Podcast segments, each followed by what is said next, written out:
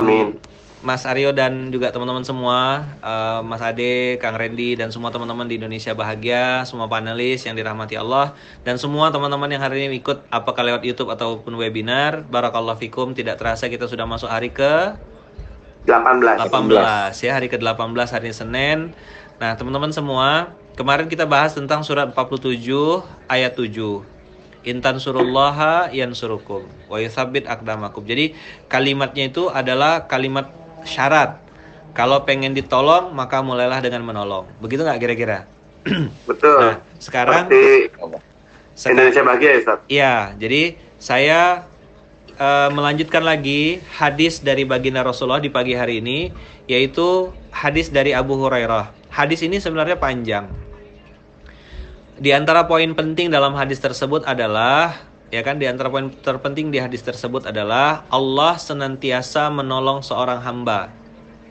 Allah senantiasa ya kasih kata kuncinya ya di garis bawahin. Allah senantiasa menolong hamba. Allah senantiasa menolong hamba selama hamba tersebut menolong saudaranya. Hadis riwayat Muslim 2699. 2699. Wallahu fi aunil abdi madamal abdu atau makanal abdu fi auni akhihi.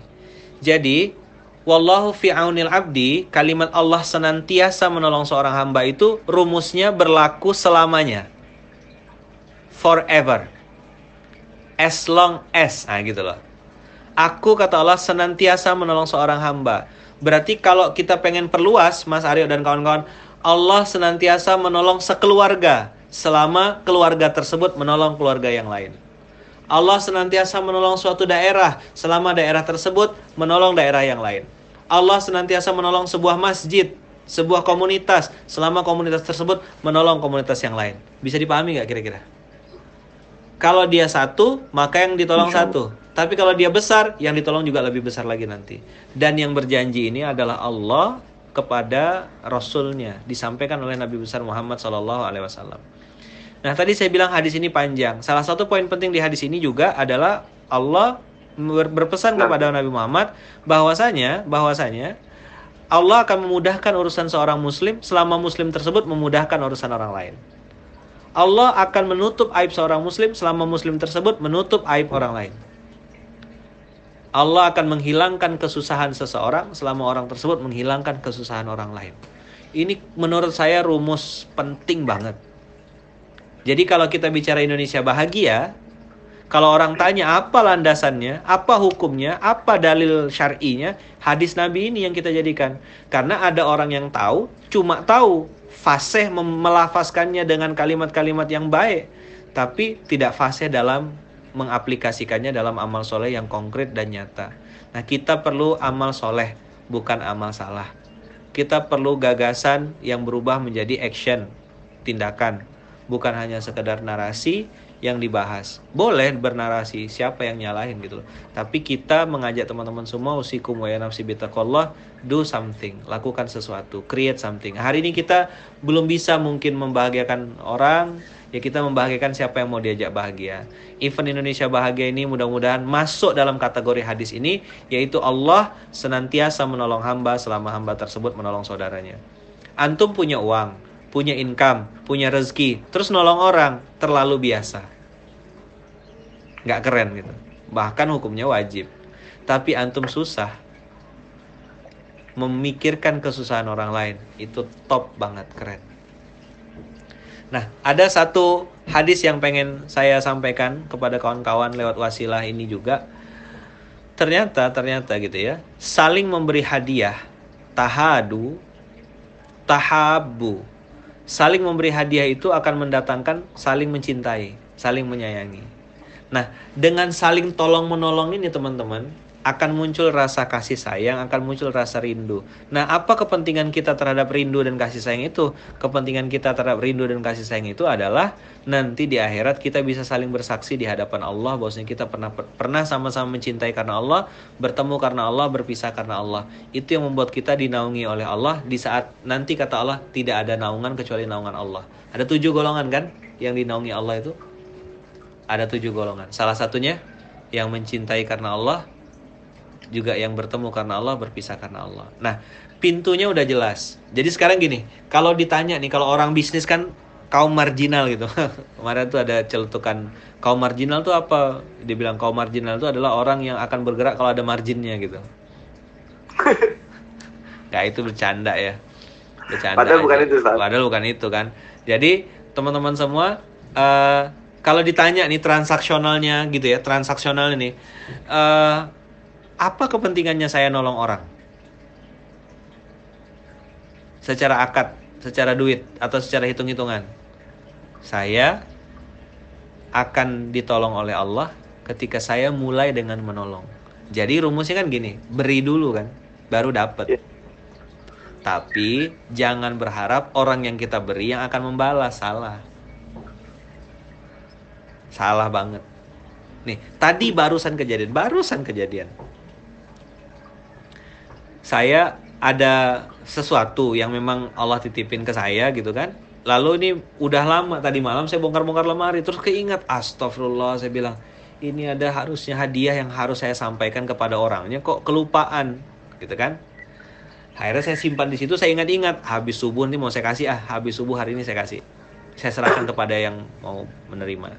Barang kecil, barang kecil aja tapi saya akadkan hadiah gitu. Terus habis subuh tadi selesai sholat Makanya tadi saya lama masuk gabungnya ada tamu datang. Ada orang, ada pengusaha datang bilang, "Ustadz pengen ketemu, mau ke rumah sampean." Oh, saya bilang, saya bilang ahlan wasalan.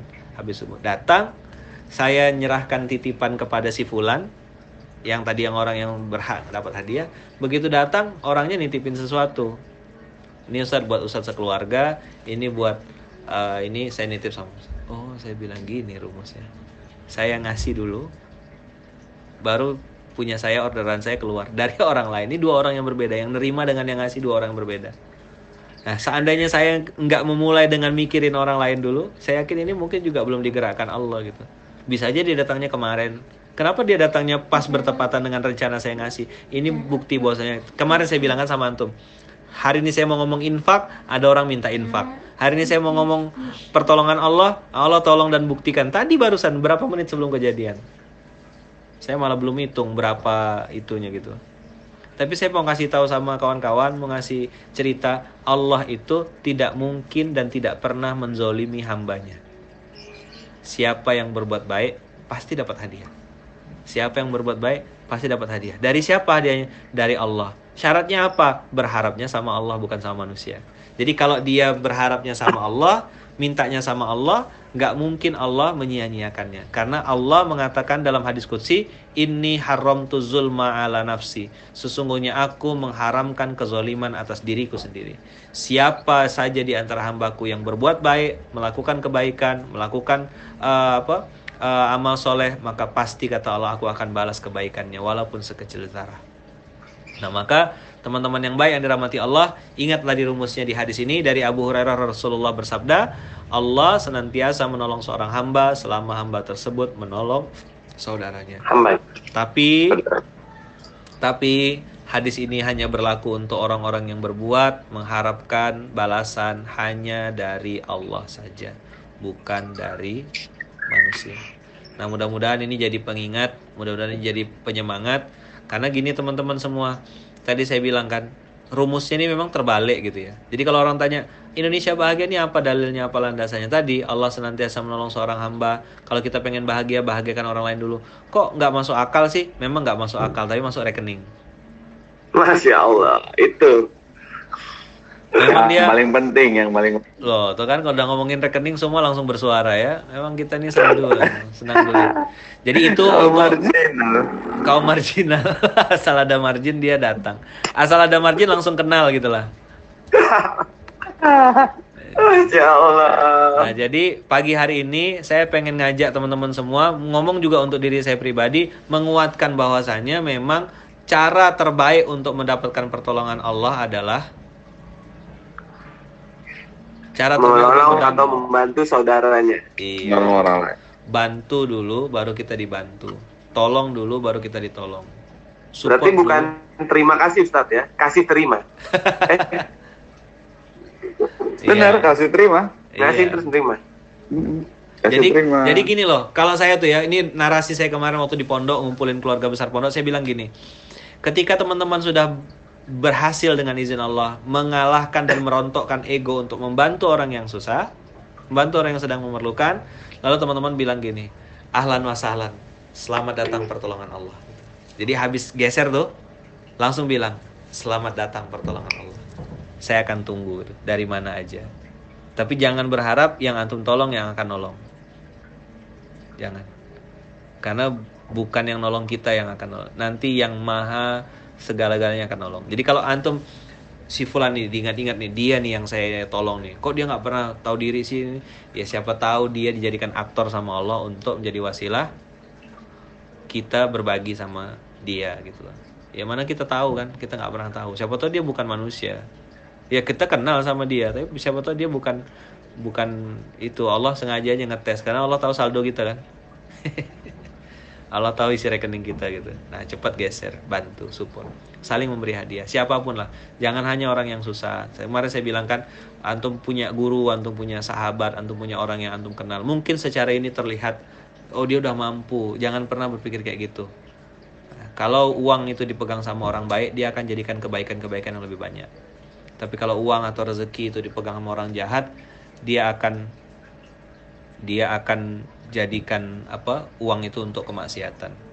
Kan ada tuh orang-orang yang pakai duitnya untuk prostitusi, pakai duitnya untuk jadi bandar narkoba, pakai duitnya untuk bikin banyak ke kemudorotan. Maka uang itu atau rezeki harus dipakai sama orang baik, harus dipegang sama orang baik supaya dia berputar di antara orang-orang baik lagi yang lain. Barakallahu fikum. Itu dulu untuk mukadimah pada pagi hari ini.